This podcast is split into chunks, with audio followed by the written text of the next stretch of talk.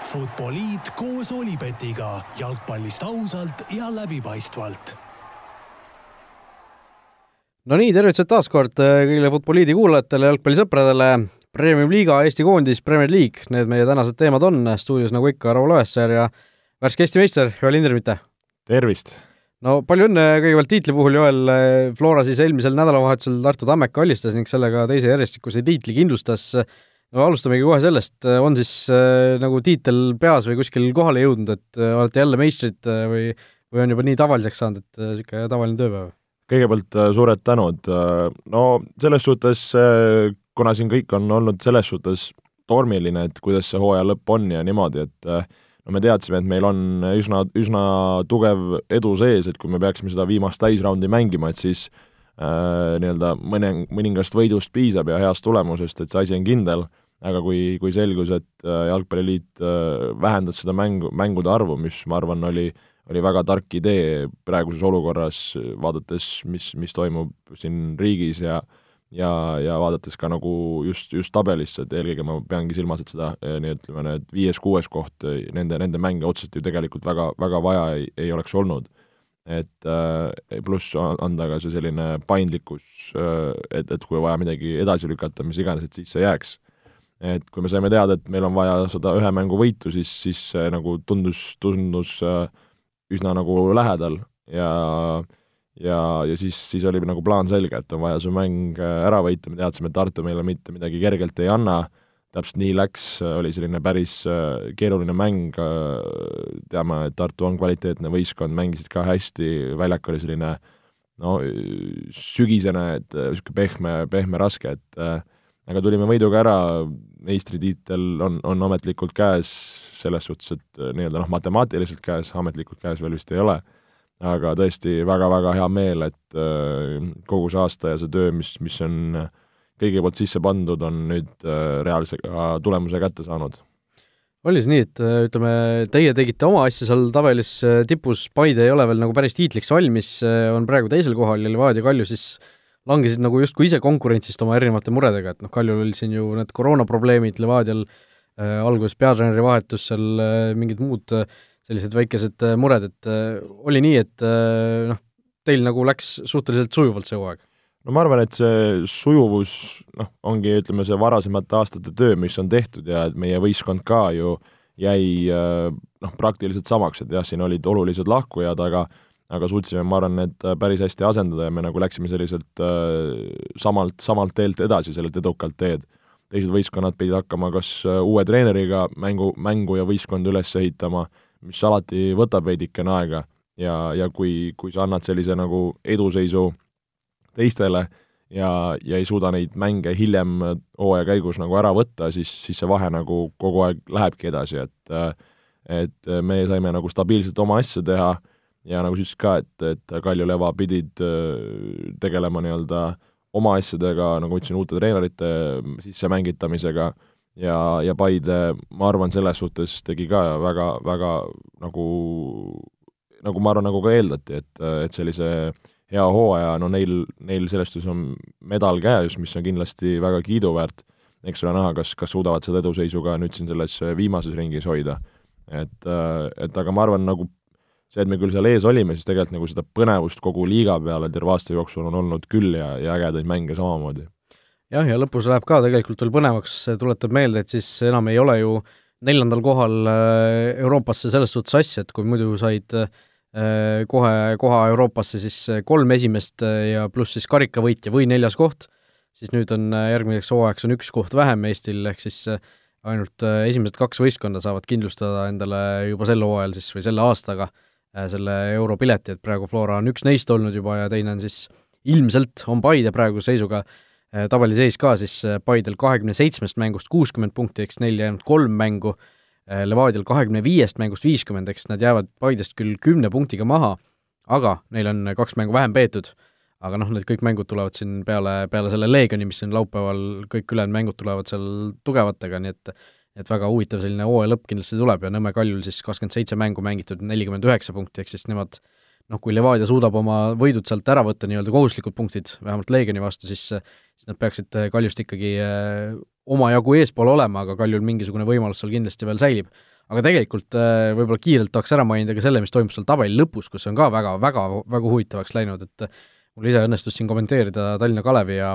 ja Viljandi tulevikumängu siin eelmine nädalavahetus ja ja Kalev täiesti kuskilt surnust tõuseb üles põhimõtteliselt, et vahepeal tundus juba, et noh, adjöö ja nemad on liigast läinud, aga aga praegu, kui kakskümmend seitse vooru on mängitud, kolm tükki on jäänud, kolm vooru, siis on olukord selline, et Kalevil kaheksateist punkti, Kuressaare kakskümmend, Trans kakskümmend üks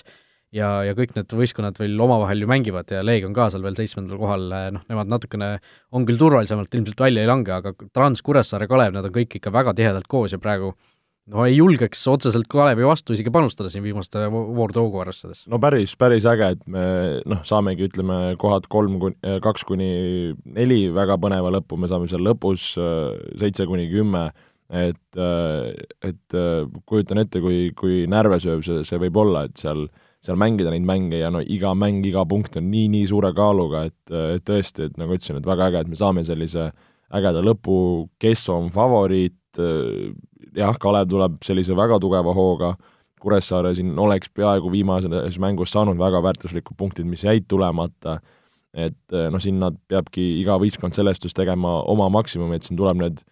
need mängud mängida nagu üks finaal korraga ja, ja, ja anda endast parim ja loota, et sealt tulevad sulle need punktid ära.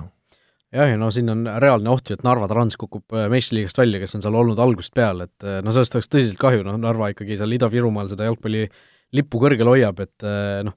paratamatult äh, see organisatoorne pool justkui ei ole seal aeg-ajalt, tundub, võrreldes mõne näiteks pealinna klubiga ei ole nagu äh, päris see, päris sellel tasemel olnud, aga noh, justkui sel hooajal nagu mõnes mõttes olid nagu asjad paigas mängijate mõttes, aga kuidagi jah, seal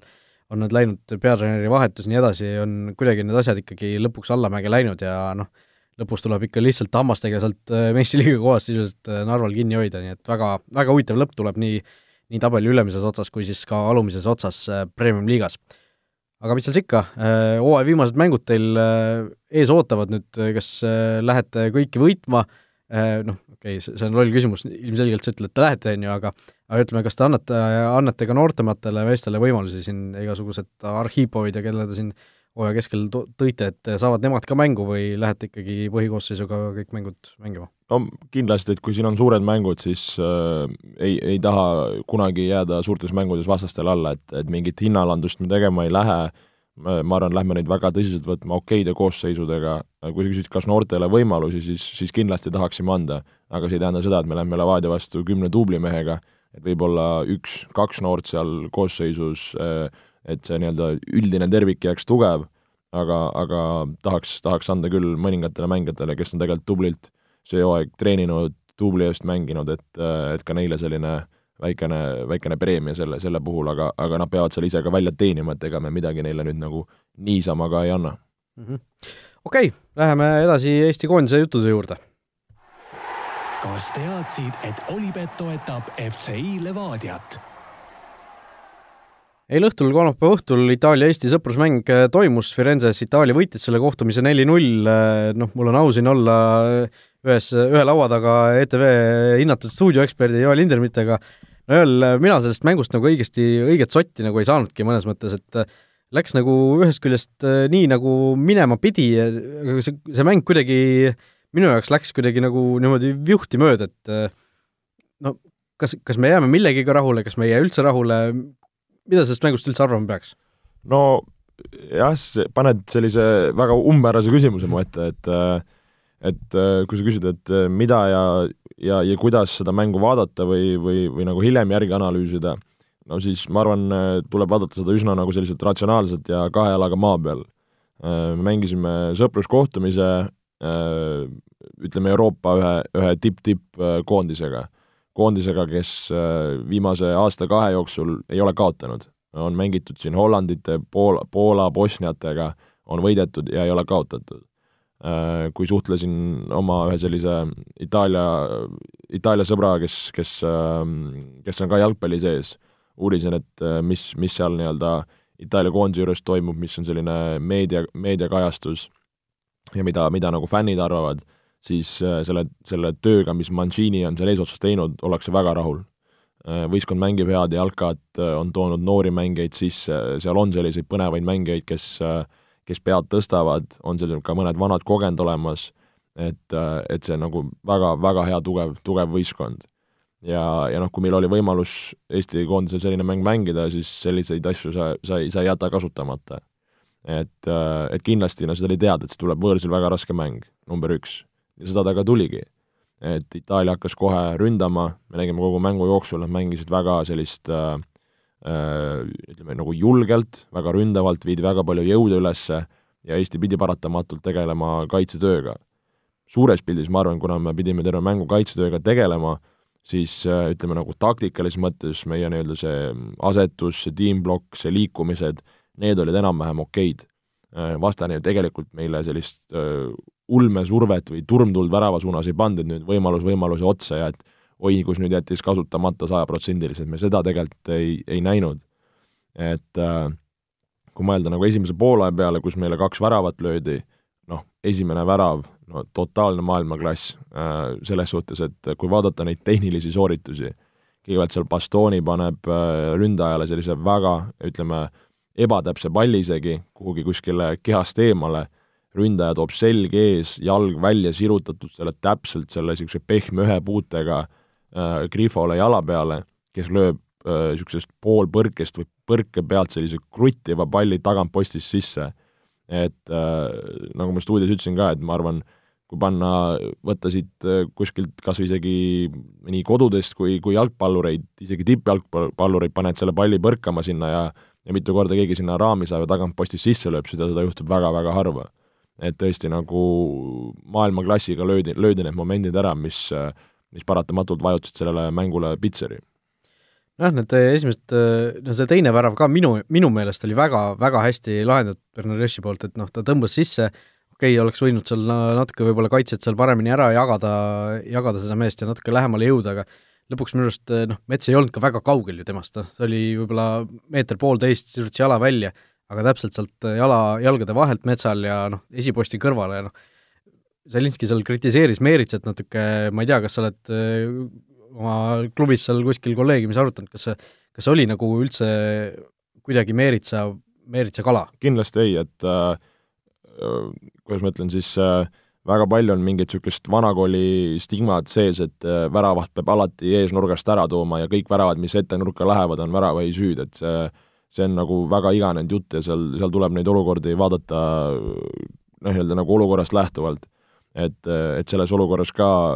kui sa eeldad, et see kaitse nii-öelda seisab seal ees, ta katab sul teatud osa väravast ära, siis sa väravahina saadki olla värava keskosas, arvestada, et see löök tuleb sinna kesk- või tagumisse ossa. ja sa otseselt ei eelda, et, et see pall tuleb läbi, läbi kaitsemängija. Et, et seal, mida me ka Poolal rääkisime, et noh, on variant, et Mets võib-olla ei siruta seda jalga välja ja, ja püsib nagu ennast, nagu ütleme, püsib kompaktsemana seal ees, et see pall ei tuleks temast nagu läbi samas siis on jälle variant, et ta keerutab metsast mööda, keerutab tahanurka ja siis ütleb, et aa, et miks ta lööki ei blokeeri. et niisugune nagu kahe otsaga asi.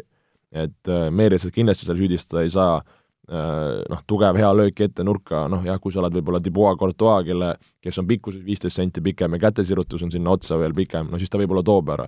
aga, aga Meerits ei ole just nagu kõige-kõige pikem. et teda süüdistada selles olukorras äh, kindlasti nagu ei, ei saa no mis me sellest mängust kaasa võtame, no noored said kogemusi, Markus Soomet sai debüüdi, eks ju, mida ta siin eelmises koondisaknas ei saanud, äh, Karl Voolaid ütles huvitava lause, et noored vananevad kiiremini, kui areneda jõuavad umbes, et et äh, neid mänge võiks nagu mõnes mõttes rohkem olla selliste tipptiimidega, kus äh, noh,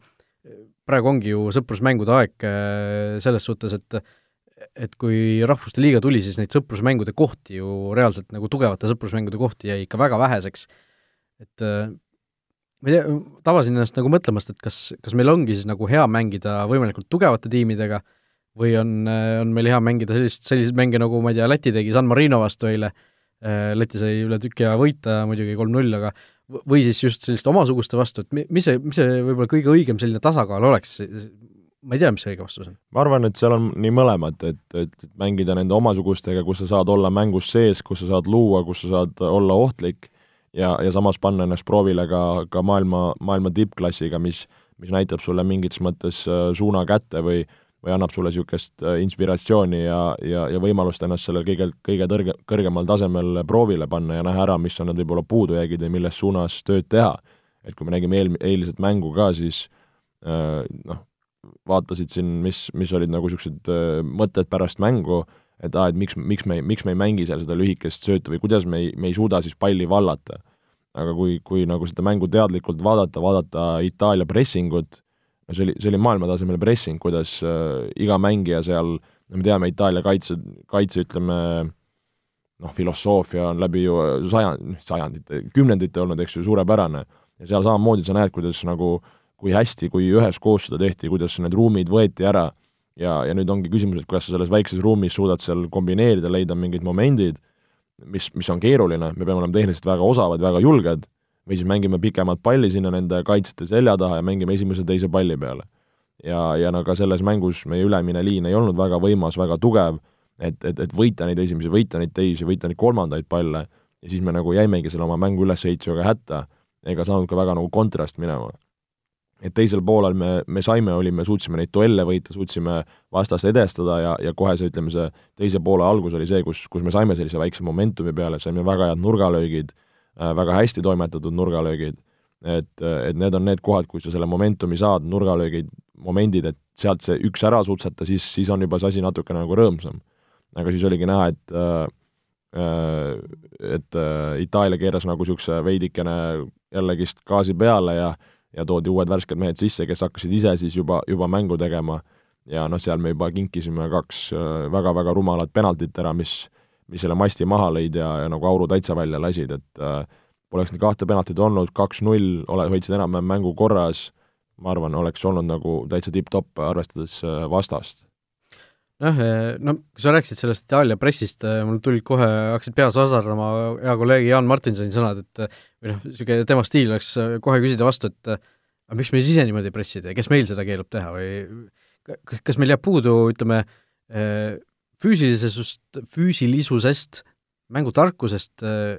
millest see, miks meie ei või niimoodi teha? no esiteks see on kindlasti füüsiliselt kurnav, teine küsimus on see, et kui sa nüüd lähed Itaalia vastu kõrgelt pressima, sa võid võib-olla olla kiire, võib-olla joosta seal, aga kui sulle pannakse see pall sinna nüüd siis, kui su, see tähendab seda, et su liinid on kõrgemal, sul on vähem mängijaid taga, nüüd on see, et siis sa pead kindlasti seal taga kas võitma selle võidujooksu ründajaga või võitma selle võitluse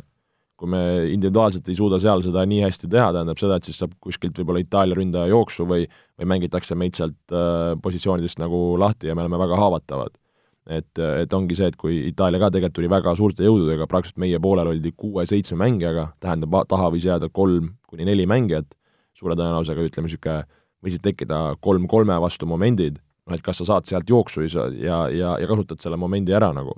et, et see, see, see ei ole nagu nii mustvalge ja seda peab nagu järjepidevalt tegema, et me, me ju Eesti koondisena oleme ju ikkagi mänginud madalamalt, mis, mis on nagu ma arvan, ka nagu loogiline.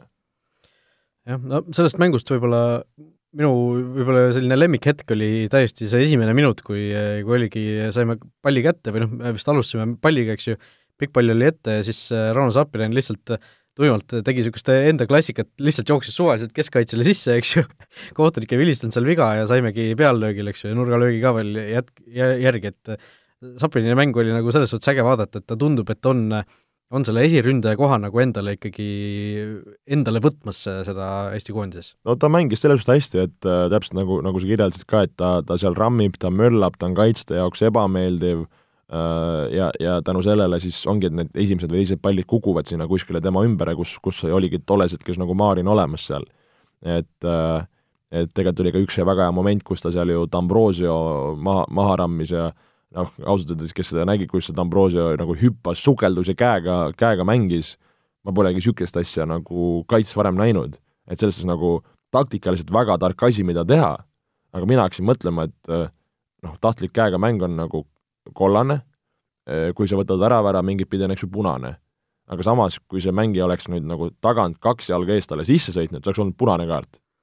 et, et, et miks ei võiks olla see ka punane kaart käe mõttes? no punane kaart, eh, see, kui sa kaks jalga sisse hüppad, see on lihtsalt vastase vigastamine või vastase suhtes ohtlik mäng, eks ju, et see kollane kaart, noh antud juhul ta ei olnud ju sugugi viimane mees või midagi sellist, et et ma noh, ma saan põhimõttest aru, et põhimõtteliselt teed samasuguse nagu noh, samamoodi võtad rünnaku maha, aga seal ikkagi see punane kaart tuleb selle eest, kui see, kui see viga on äh, nagu vastasele, vastase tervisele ohtlik lihtsalt äh, no lihtsalt oli niisugune, polnudki sellist asja, asja varem näinud. see on mängija tarkus, on ju. mängija tarkus mingit pidi jah, sa võtad kontra maha, noogutad, kehitad õlgu, ütled, et sõprusmäng ka, mis see kaart loeb, eks ju, kokkuvõttes. et, et selles suhtes äh, kaval lüke ja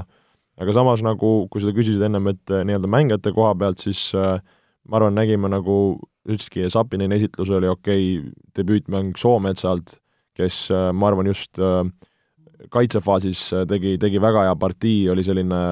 ebameeldiv nagla seal, äh, võitis duelle, lahtisi palle, oli, oli nagu, jõudis lähedale, et äh, muidugi palliga oleks saanud seal just selles mängu ülesehitusfaasis olla võib-olla kvaliteetsem ja julgem, aga arvestades, see oli noore mehe esimene mäng Eesti koondises Itaalia vastu, ma arvan, ma arvan, nagu väärib kiitust ja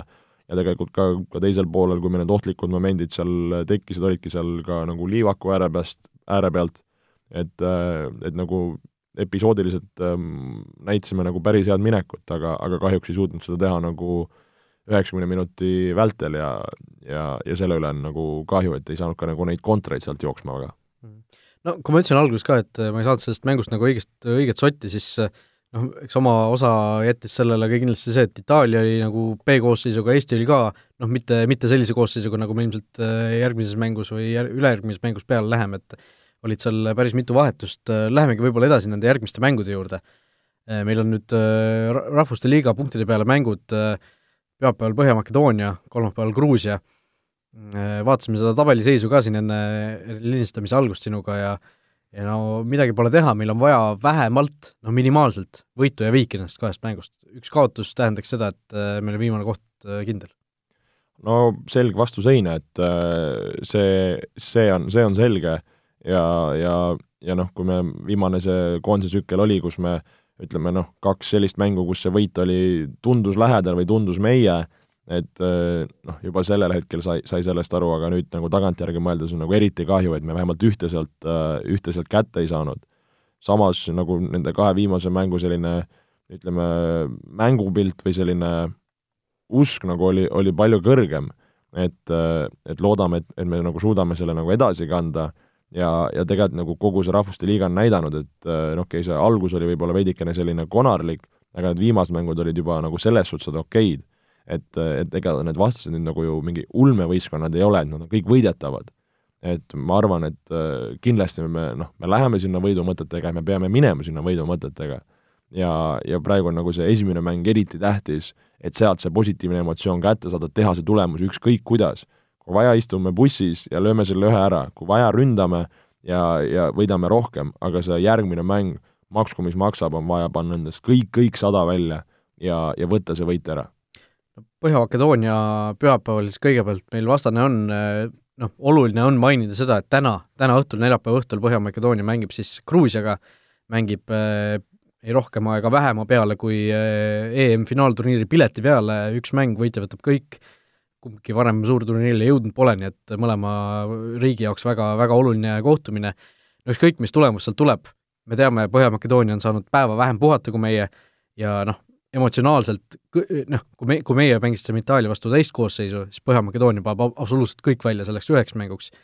ja noh, selline pohmell ühte või teistpidi on neil niikuinii ilmselt väike pühapäeval, et et noh, tundub justkui paberi peal väga hea koht, kus tegelikult hoolimata võõrsil mängimisest vastast ju hammustada jaa, kindlasti, et äh, tegelikult oli ka viimases, äh, kui me mängisime nendega, nad võitsid samamoodi ju selle poolfinaali, eks ju, ja, ja ka oli näha, et kas mõned põhimehed äh, puhkasid või, või oli ka neil veidikene selline pingelangus, mis, mis andis nagu võimaluse, et et nagu ütlesid, igatahes, kas nad võidavad, on seal pohmelli, niisugust emotsionaalset pohmelli ja imesta, kui ka reaalset pohmelli, kui kaotavad, siis, siis samamoodi on seal see väsimus, on selline vaimne võib-olla mast maas, et tõesti, nagu ütlesid, et selline äh, väga, väga reaalne koht, kust, kust hammustada ja kus, kus punkte võtta. ma isegi ütleks, et Eesti koondisel selles mängus on noh, ma isegi julgeks öelda, et äh, mina ootan siit võitu täiesti. Et ükskõik, mis, mis tulemusega see tänaõhtune mäng lõpeb, ja, ja ma arvan, et meil on tegelikult äh, isegi tunduvalt paremad võimalused see mäng võita, kui kui äh, võib-olla pabe- või seal kuskil Kihlo kontorites tundub, et ma vaatan Olipetis ka, Eesti koefitsient kuus koma null null, võidu koefitsient, noh et et see, see tundub ikka päris, päris hea, et kas see, et Eesti ei kaota seda mängu kaks koma nelikümmend neli, et mulle, mulle tundub, et see on, see on koht, kus, kus Eesti noh, peab selle võidu ikkagi maksma, mis maksab ära võtma. ja noh, kui me siin teoritiseerime veel, siis tegelikult noh, kui ma enne ütlesin, üks kaotus tähendaks meile automaatselt seda, et meil on viimane koht, siis kaks võitu, kui me võtame kaks võitu ja, ja siis teised mängi, mängud, ehk siis Gruusia, Armeenia ja Armeenia, Makedoonia, mõlemad jäävad viiki, näpud püsti, me oleme grupi võitjad. tegelikult on selline asi ka veel võimalik, noh no selles suhtes on kõik, kõik võimalik ja nagu siin veel kurvem, et, et need ei tulnud sealt seda ühte, ühte võitu viimasest mängust, no peab minema väga palju asju meie, meie jaoks, aga aga noh, seda juttu võib siis vaadata, kui kõigepealt see üks võit on käes, et me võime siin mõelda, arutada, eks ju, igasuguseid asju, aga kui sa lõpuks ise väljakul tegusid ei tee, siis pole sellest kasu. nii et noh, see, et Armeenia, ütleme niimoodi, et Armeenia on suuteline kaotama mõlemat mängu, mis on nagu meie jaoks positiivne vaatepilt, eks ju. tähendaks, et nemad jääksid meil äh, mitme punkti peale. No kui Armeenia kaotab mõlemad mängud, on neil äh, viis punkti, ehk siis äh, seesama, mis neil praegu on. meil on kaks punkti ja kui me jääme mõlemad võrdsed, võrdsele tasemele Armeeniaga, on Armeenia meist eespool, kuna omavahelised mängud olid neil paremad. ehk siis noh, see, kui meie saame, ütleme, võidu ja viigi ehk neli punkti, me peame lootma, et Armeenia kaotab mõlemad. ehk lihtne matemaatika on nii-öelda võit-viik ja Armeenia mõlemad kaotused, kui Armeenia peaks sealt midagi enamat võtma, siis vajame me kindlasti kahte võitu. kahte võitu muidugi jah, et et ma isegi seda pole mõelnud, et kas peaks vist ikka olema, et kui me mõlemad võidame, siis, siis me välja vist ei lange. et ma nii, niipidi pole veel, pole veel nii-öelda oma jaoks arutanud, et noh, kui me mõlemad võidame, meil oleks kaheksa punkti, äh, Põhja-Makedoonia siis ütleme samas, kui sa ütled, meil on kaheksa punkti ja Armeenia võidab äh, ühe mängu, on neil ka kaheksa, aga noh, siis on Gruusial ja Põhja-Makedoonial vähem meil. õigus. noh, ja vist me viimaseks ei saa jääda siis, kui me mõlemad võidame, aga aga no ühesõnaga, tegelikult on kõik absoluutselt lahtine, kõik kohad on sisuliselt Eesti koondisel veel võimalikud, aga aga, aga olukord, olukord on äh, raske nii ehk naa, aga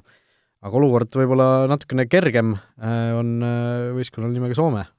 no uskumatu, kes kursis ei ole, ma arvan, paljud on äh, eile õhtu Prantsusmaal Pariisis Stade France äh, staadionil mängisid äh, Soome ja Prantsusmaa rahvuskoondised ja ei võitnud keegi muu kui, kui äh, Soome ja kaks-null tulemusega väravalt kahelt noorelt debütandilt, kes, kes neid väravaid järgi pole vaadanud, vaadake, no üks lausa oivaline vasaku jalaga tõmmatakse seal mehed kohvile ja siis pannakse korralik korralik pomm sinna taha ristnurka ja, ja võib, võib päris vinge tunne olla poisil, kui kui tuled võõrsil Prantsusmaa vastu Stade France'il ja, ja paned niisuguse, niisuguse ussi sinna ristakasse kinni. no ma ei väsi nagu kordamast, kaks venda kolmeminutilise vahega, mõlemad koondise debüüdil Prantsusmaa vastu võõrsil ja see ei olnud mingisugune niisugune nalja Prantsusmaa, umbes noh, mitte et see meie vastu oleks nalja Itaalia olnud, aga noh, see oli ikkagi väga teisejärguline Itaalia, siis Prantsusmaa koondise põhikoosseis Mandanda, Digné, Lenglet, Zuma, Dubois, Turam, Pogba, Nzonzi, Sissoko, Giroud ja Ben Yedder. ja noh, pingilt tulid siin veel Kriismann äh, näiteks, äh, N'Golo Kante, Anthony Martial, Rafael Varane, et noh, see oli ikkagi väga tugev Prantsusmaa, on ju. see oli väga tugev Prantsusmaa, aga samas, kui sa mäletad, me kommenteerisime ühte Prantsusmaa mängu Portugaliga, siis tegelikult äh, ma ei ole nüüd nii hästi neid nagu nii-öelda üle-eelmisi mänge oma silmaga näinud, aga aga tegelikult ega nad ju väga veenvad ka tolles mängus ei olnud, kui sa mäletad. Äh, jah, seal küll ka Portugal tegi nagu head tööd, aga, aga see näitab äh, ikkagist nagu väga suur kiitus ka ka just äh, Soome, Soome pihta, et ikka selline tulemus teha, see, see, see ei ole, see on ikka, võita maailmameistrid nende kodus on, on tegelikult ju täitsa, täitsa ebareaalne, oleme ausad. no okei okay,, seal noh,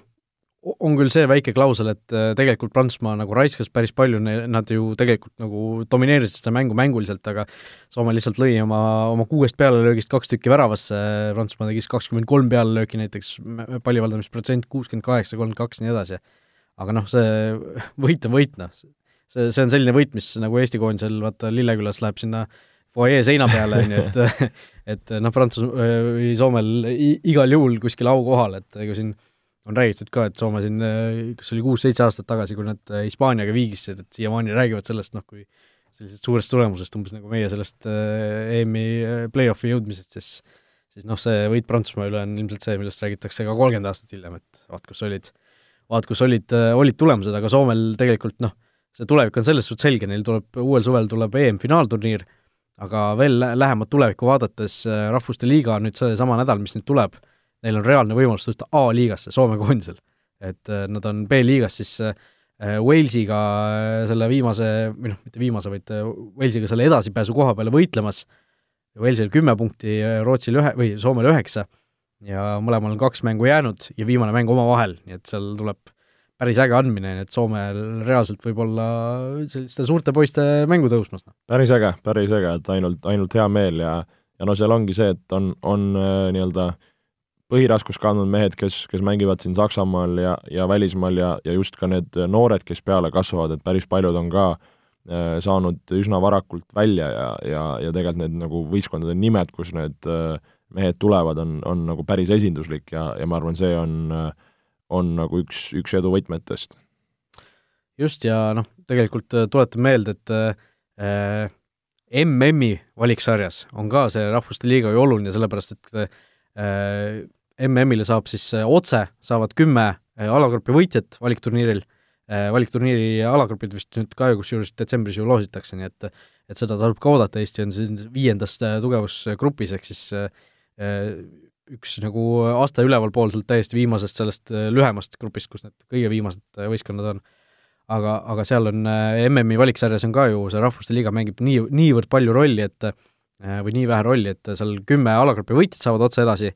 kõik teised kohad, kümme alagrupi teist kohta lähevad play-off'i ja kaks võistkonda siis Rahvuste Liiga alagrupi võitjatest,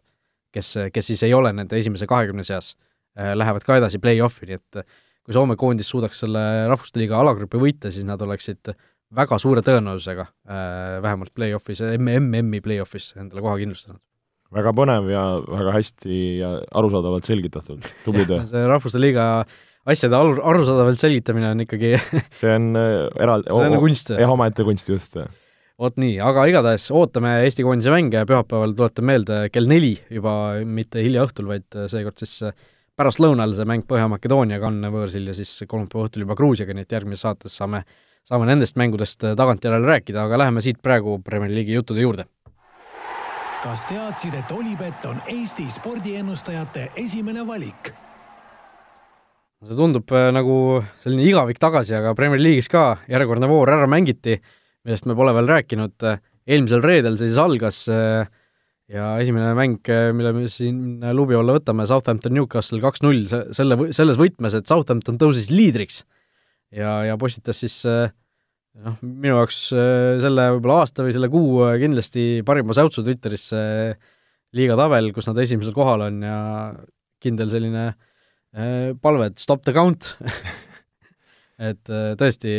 alates sellest, kui siis Premier League äh, pärast koroonapausi naasis, ehk siis eelmise hooaja lõpuga koos, äh, Southampton tabelis kolmas, äh, kui need mängud kõik kokku panna, et et tõesti, Ralf Hasenhüttel on, on oma võistkonna ikkagi kuidagi väga kenasti toimima saanud ja asjad nagu lähevad, lähevad hästi seal. jaa, päris äge, et viimasest viiest mängust neli võitu ja, ja, ja üks viik ja see viik ka kolm-kolm Chelsea'ga, et tõesti äge, äge, ägedalt mängivad, hea, hea energiaga, kaitsesõjad korras, ees seal äh, Adams ja ja Ings lammutavad, et äh, et äh, no ma ei tahaks uskuda, et see nüüd mingi muinasjutu lugu me hakkame rääkima siin täitsa mingist kõrgest minekust, aga aga igatahes nad seda, seda vett seal sogavad ja, ja kõigile korralik peavalu on. just, nii et Southampton võidu sai, laupäeva juurde minnes. Esimene mäng kohe Everton, Manchester United üks-kolm, täpselt nii, nagu me eelmine nädal rääkisime, äh, nii kui United oma mingisugused kaotused kirja saab, äh, jälle Solskjaerile hakatakse seal äh, seda noh, tooli hakatakse kõigutama, siis võetakse mingisugune selline täiesti suvaline võit ja, ja jälle justkui kõik, kõik hästi, et et noh, ma, ma ei tea, siin räägiti ju ka juba, et et Solskjaeri tool kõigub, minu meelest, kui tahad sellest peatreenerist lahti saada klubi mõttes, siis ei pea ootama, kuni ma ei tea, kolm halba tulemust järjest tuleb, et oleks mingisugune motivatsioon või nagu selline äh, konkreetne selline motiiv, et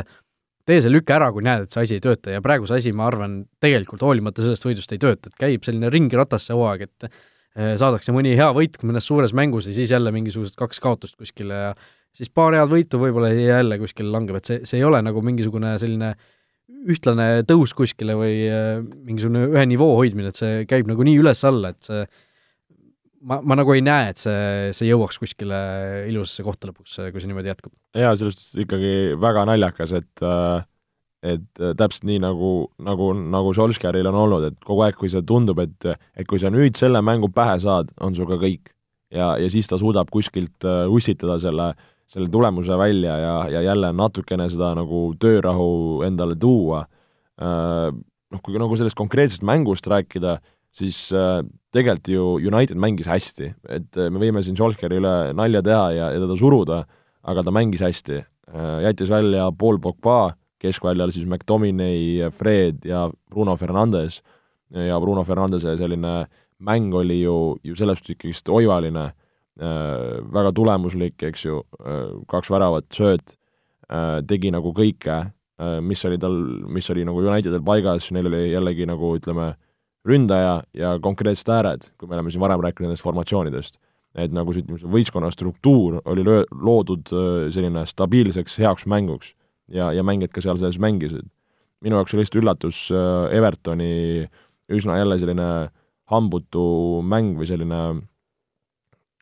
nagu niisugune jah, kuidagi nagu ei saaks öelda kiretu, aga, aga, aga ei olnud niisugust nagu power'it või minekut. niisugune tömp oli. jah, tömp just, et et aga, aga ka United mängis hästi, et, et, et, et osalt ka seetõttu. ja, ja, ja, ja, ja noh, Hames, kes oli siin vigastusega kimpus, tundus, et ei olnud ka päris nagu sada protsenti fit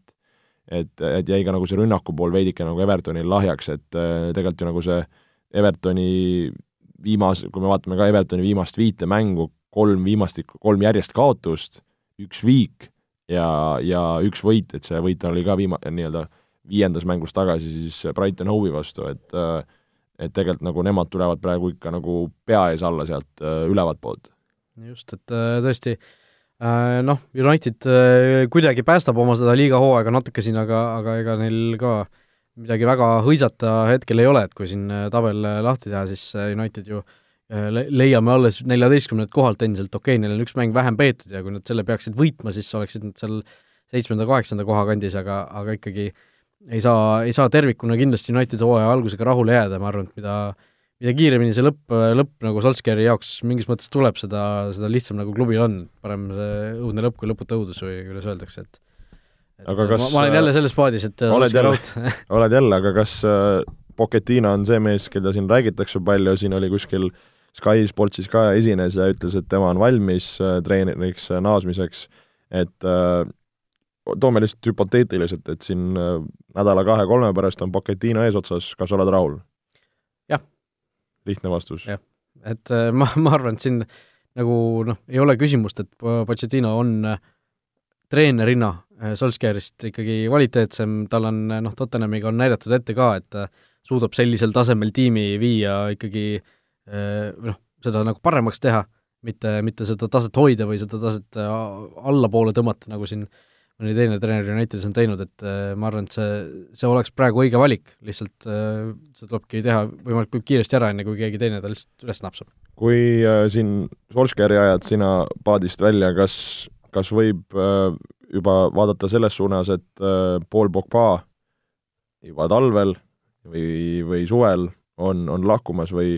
või kuidas sa näed praegu tema võistkonna rolli, kas on, on õige tema koht hetkel pingil või peaks tal leidma mingi, mingi võimaluse, mingi koha? ma olen äh, alati nagu selles suhtes Pogbaad kaitsnud, et äh, kui ta mängib äh, nagu noh, sa näed, kas ta mängib isuga või ei mängi, noh, sa ma ei tea, esimese viieteist minutiga saad äh, rahulikult aru tavaliselt, on ju, et kas tal on nagu hea päev, kui ta ei ole, kui tal on hea päev, siis ta on äh, noh, ta on supervend, on ju. aga millal tal viimati hea päev oli? aga noh, täpselt, et, et see, see, seda tuleb nagu aina harvem sisse. Vahepeal, kui, see oli vist siis, kui Solskjaer tuli, eks ju, kui võistkond hakkas hästi mängima ja järsku Pogba oli ka avanenud ja nii edasi, aga noh, ma ei tea, kumb see nagu enne tuleb, et kas, kus, kui võistkonnal läheb halvasti, siis Pogba tuju langeb või et kui Pogba tuju langeb, siis võistkonnal läheb halvemini, et et ma ei tea, ku-, kuidas see nagu, kumba pidi see suhtes on, aga aga noh, mul on ka viimasel ajal hakanud nagu selles suhtes üle viskama, et äh, noh, mul ei oleks midagi selle vastu, kui, kui ta müüdaks äh, maha, aga noh, kelle sinna asemele tood, kuidas, kustkohast see on jällegi see, et noh, võib-olla niisama temast lahti, lahti lasta ja mitte kedagi sinna asemele tuua ei oleks ka kõige parem variant, et aga noh, ma muidugi ma ei näe võistkonna sisse, ma ei näe, kuidas ta teistele mängijatele nagu mõjub otseselt, et võib-olla ta on seal kui, kui tema ära müüa, siis kõik need Martialid ja prantsusekeelsed mängijad seal ja läheksid nagu täiesti moraal langeks, aga noh, ma ei kujuta ette. No huvitav näha, mis, mis tast saab, et äh, usun hetkel, et praegu on tal päris raske seis ja ja, ja nüüd ongi Olel siis vaja nuputada, et kuidas tema olukorraga hästi ümber talitleda.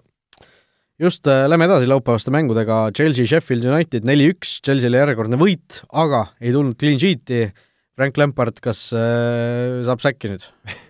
Ei no see on ju totaalne liialdus, kõik saavad sellest aru äh,, no jälle, jälle väga resultatiivne Chelsea, et äh, kes, kes mängu nägi või, või või natukene seal asjadel silma peal hoidis, siis nägi, et äh, Hakim Ziyech, kes on viimastes mängudes päris palju peale saanud, mängis väga hea mängu, jagas assiste, jagas neid nii-öelda hoki assiste, oli selline dirigent, et väga hea partii, ründajad seal, Abraham Werner said kätte, Diego Silva sai oma esimese värava kätte et äh, praegu see Chelsea rong nagu, nagu veereb ja, ja veereb päris, päris võimsatel äh, tuuridel, et ei, ei ole mitte midagi halba öelda nende kohta hetkel. jah, et äh, noh, nagu me rääkisime siin hooaja alguses, kaitseprobleemid nii edasi, siis tundub, et lihtsalt see uue väravahi toomine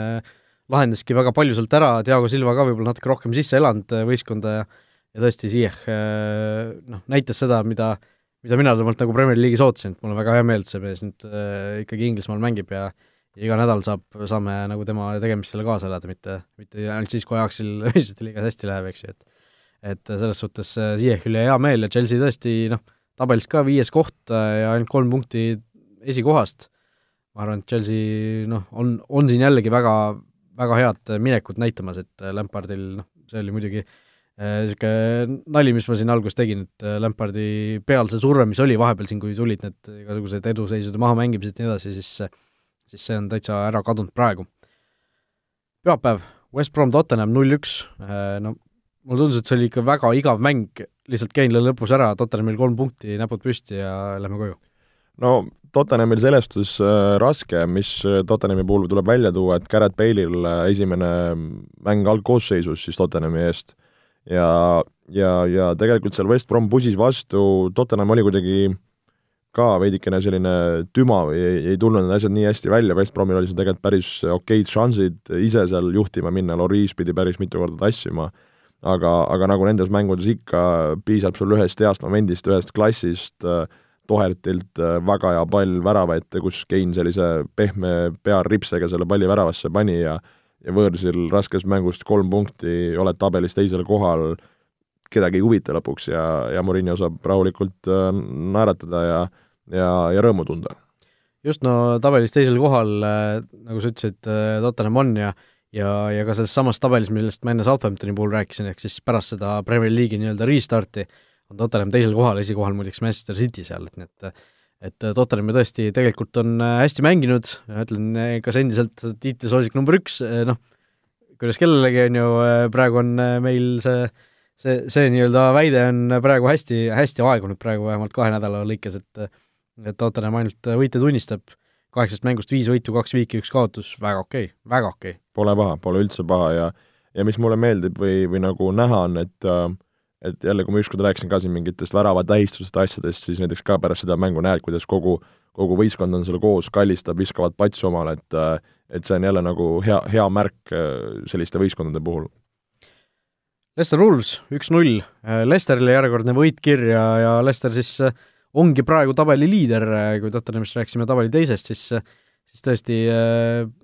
Wolvesi üle saadud võit äh, Lesteril kindlasti väga selline korralik magus võit on ju tugeva, tugeva vastase üle,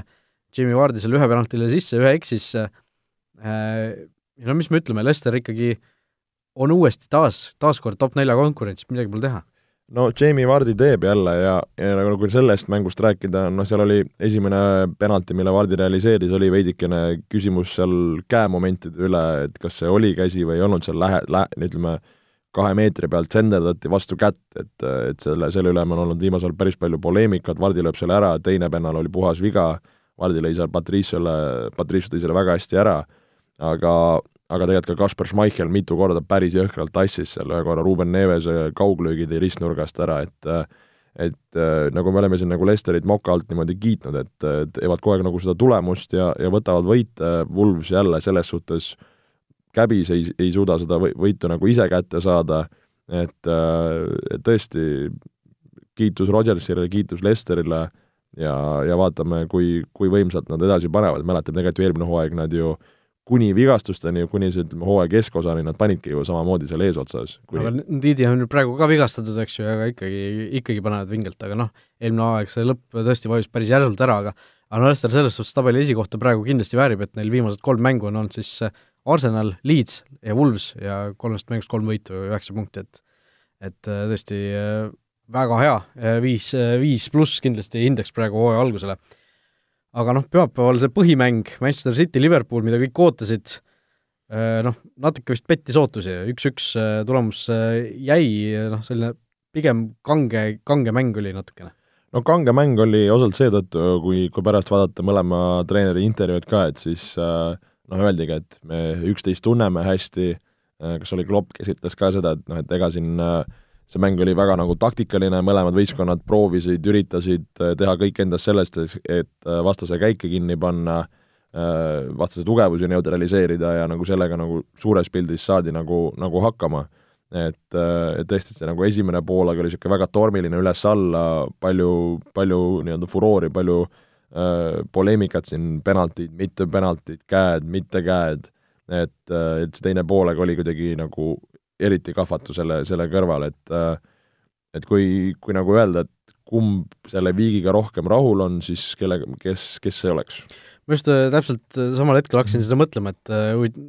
mulle tundub, et mõlemal nagu mingis mõttes sobis see, et äh, seal oli oluline kaotust vältida, eriti see Manchester, Cityl tegelikult, et võib-olla isegi nemad sutsu rohkem on selle viigipunktiga rahul, aga noh, samas Liverpool on ka, Liverpooli tabeliseis on piisavalt hea, et neil äh, nagu noh, ei olnud võitu nii, nii väga vaja, et ma arvan, et see viik antud juhul nagu mõlemale pigem sobis ja ja noh, kokkuvõttes ka aus tulemus tegelikult. tundub, tundub küll, et ma arvan ka, et pigem sobis, ka Peep ütles seda pärast mängu, et nendes mängudes on oluline mitte kaotada ja, ja noh, sellist nagu hoiakut mõlema võistkonna puhul oli näha, et oleks emale kummale poole läinud, oleks see nagu päris, päris valus hoop olnud igatahes. just, no City äh, selle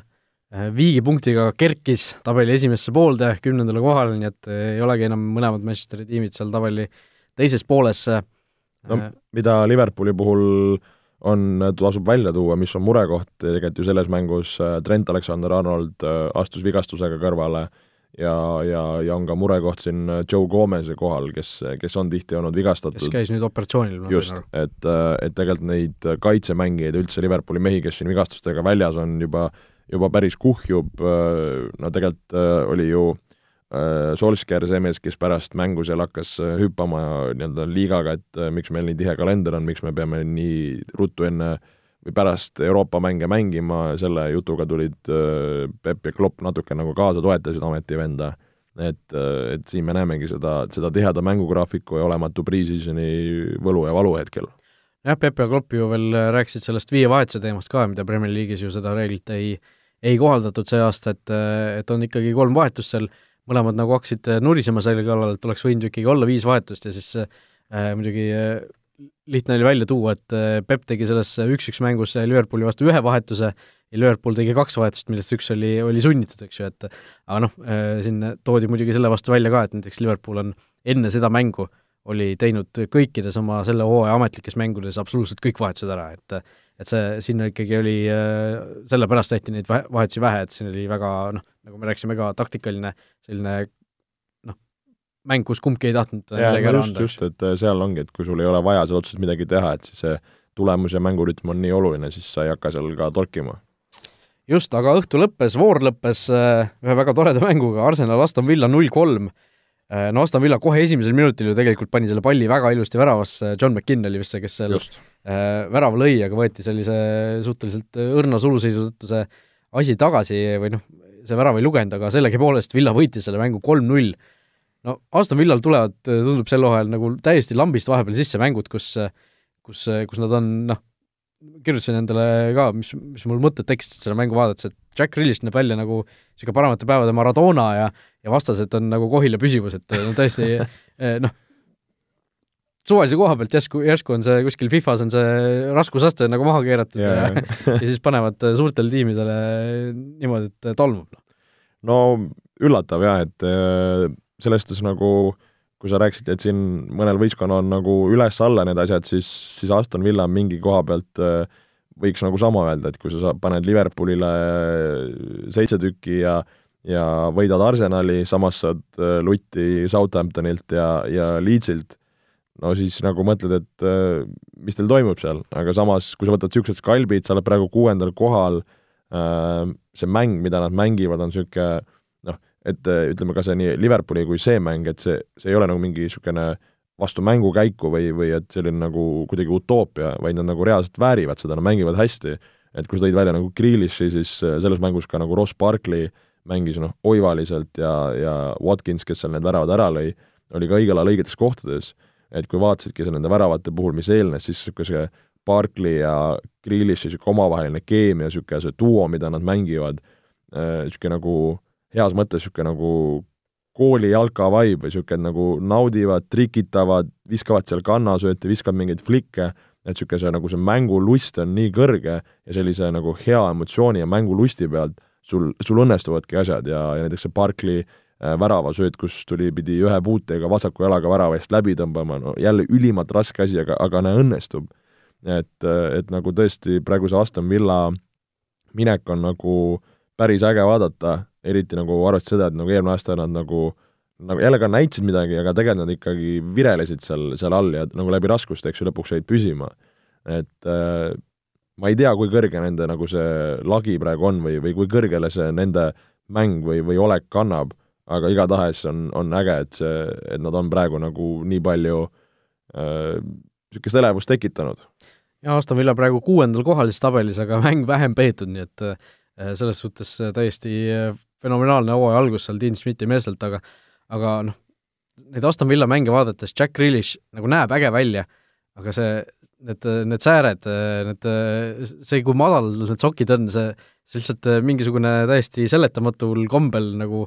ma ei suuda seda vaadata, seda paha vaadata kuidagi. mispärast? no see näeb nii ohtlik välja lihtsalt, kui sul ongi noh, sääre ka-, kaitsme point on ju see, et äh, ta kaitseks su säärt, aga noh, kui, kui ta paneb sinna mingid täielikud nukukad, mingid väiksed papitükikesed no sa ju näed ju, kogu tippjalgpall tegelikult mängib sul olematud säärekaitsmetega, noored kuulajad, ärge seda, seda kuulake praegu, aga tegelikult seal pannakse, ongi, kas pannakse sul mingid papitükid, pannakse sul äh, tossutallad äh,, kes paneb lihtsalt mingi minikaitsmed, lastekaitsmed, et äh,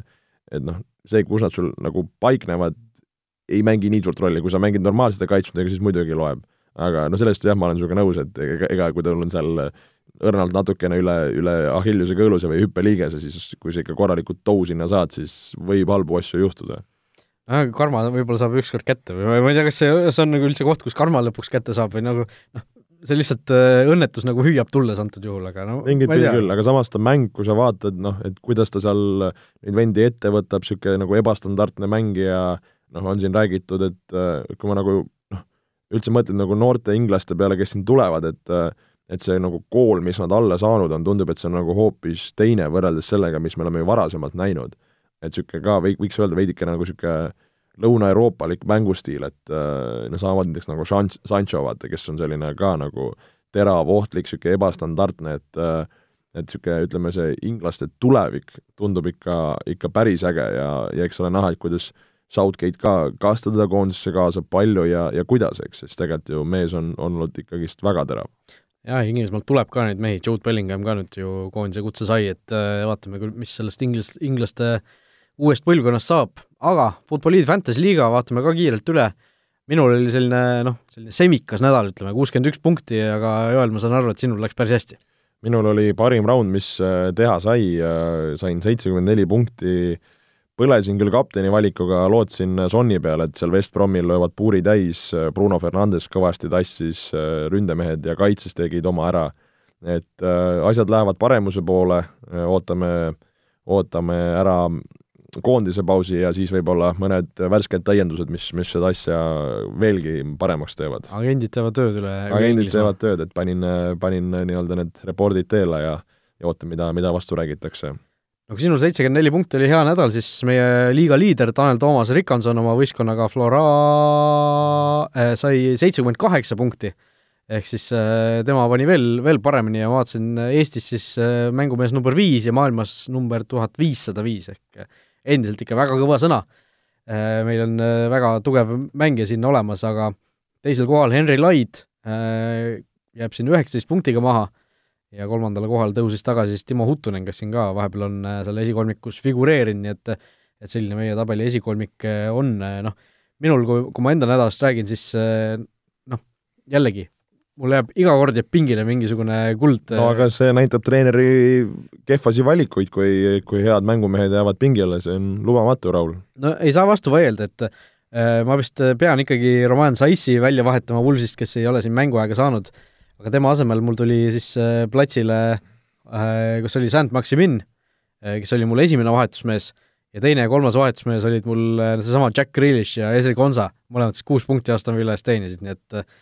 natuke jäi sinna ikkagi, äh, ikkagi äh, va-, varu sisse, et äh, pead lahti hammustama need Aston Villa head tulemused, me muidu Aston Villa vastu või sellest mängust rääkides me Arsenali kehva tulemust nagu Jaa. ei maininudki. just, ma tahtsin selle ka välja tuua, et Arsenali puhul Mikel Arteta nagu ei ole, ei ole praegu üldse saanud nii palju vastu päid kui jal-, päid ja jalgu kui näiteks Solskjaer. aga noh, Arsenal ka viimast neljast mängust ainult üks võit, okei okay,, see oligi Solskjaeri vastu, aga noh, see niisugune ebastabiilsus või ebakindlus tegelikult Arsenalis ikkagi on, on endiselt sees, et me siin ka üle nädala nagu ripime ühele ja teisele poole, aga aga, aga noh, kui sa ikkagi neljast mängust saad ühe võidu ainult ja, ja, ja kolm kaotust, okei okay,, tugevate vastaste vastu, välja arvatud võib-olla Aston Villa, kes nagu ei ole siin äh, traditsiooniline tugev vastane, siis äh, noh, no jälle me näe-, räägime, sama juttu saame rääkida, kui sa lööd null väravat, et äh, jääb puudu sellest äh, kreatiivsusest ja, ja, ja ei ole nagu mängijat, kes seda seoks et äh, veidikene nagu murekohad äh, selles suhtes minu jaoks on, et, et nagu me rääkisime ka, et võistkond, kes kes muidu on nagu harjunud lööma, siis nagu ei, ei, ei löö, et kui tegelikult vaadata äh, nii-öelda äh, löödud väravate tabelit, siis äh, Arsenal on siin tagantpoolt äh, kuues, tagapool ainult neist Wolves, Fulham, West Brom, Sheffield ja Burnley, et eks ju siin Fulham, West Brom, äh, Sheffield ja Burnley on nagunii seal tabeli lõpus no, jah, täpselt viimane nelik ja Wolves, eks ju. just, et tegelikult nagu päris halb seltskond, kellega seal nagu ühel pool olla, et et äh, selle koha pealt on nagu suured mured, ma, ma leian. just, nii et äh, kas äh, Arteta out? no vara veel, vara veel niisugust juttu rääkida, aga aga mingid asjad peavad seal nagu paremini jooksma saama ja ma arvan, ta nagu ise teab ka seda, et aga aga samas, kui me ükskord rääkisime ka, et me nagu näeme, et seal see mingi suund on, asjad on paigas, nüüd ongi vaja seal neid nagu niisugust äh, peenhäälestust seal, seal sees teha, et, et need asjad paremini oleks, läheks. just nii, järgmine nädal, mingi hetk oleme tagasi, saame rääkida siis koondise mängudest Põhja-Makedoonia ja Gruusiaga ja vaadata juba ette järjekordsele meistrite liiga voorule, mis, mis peaks vist juba ülejärgmisel nädalal siis toimuma, nii et ja uuele Premier League'i voorule. ja uuele Premier League'i voorule niikuinii, nii et mis seal siis ikka, olge jalgpalliainel, vaadake koondise mänge, elage kaasa ja, ja kohtume siis juba varsti! kõike head, olge mõnusad! vutiviikendi parimad kohvid leiad Olipetist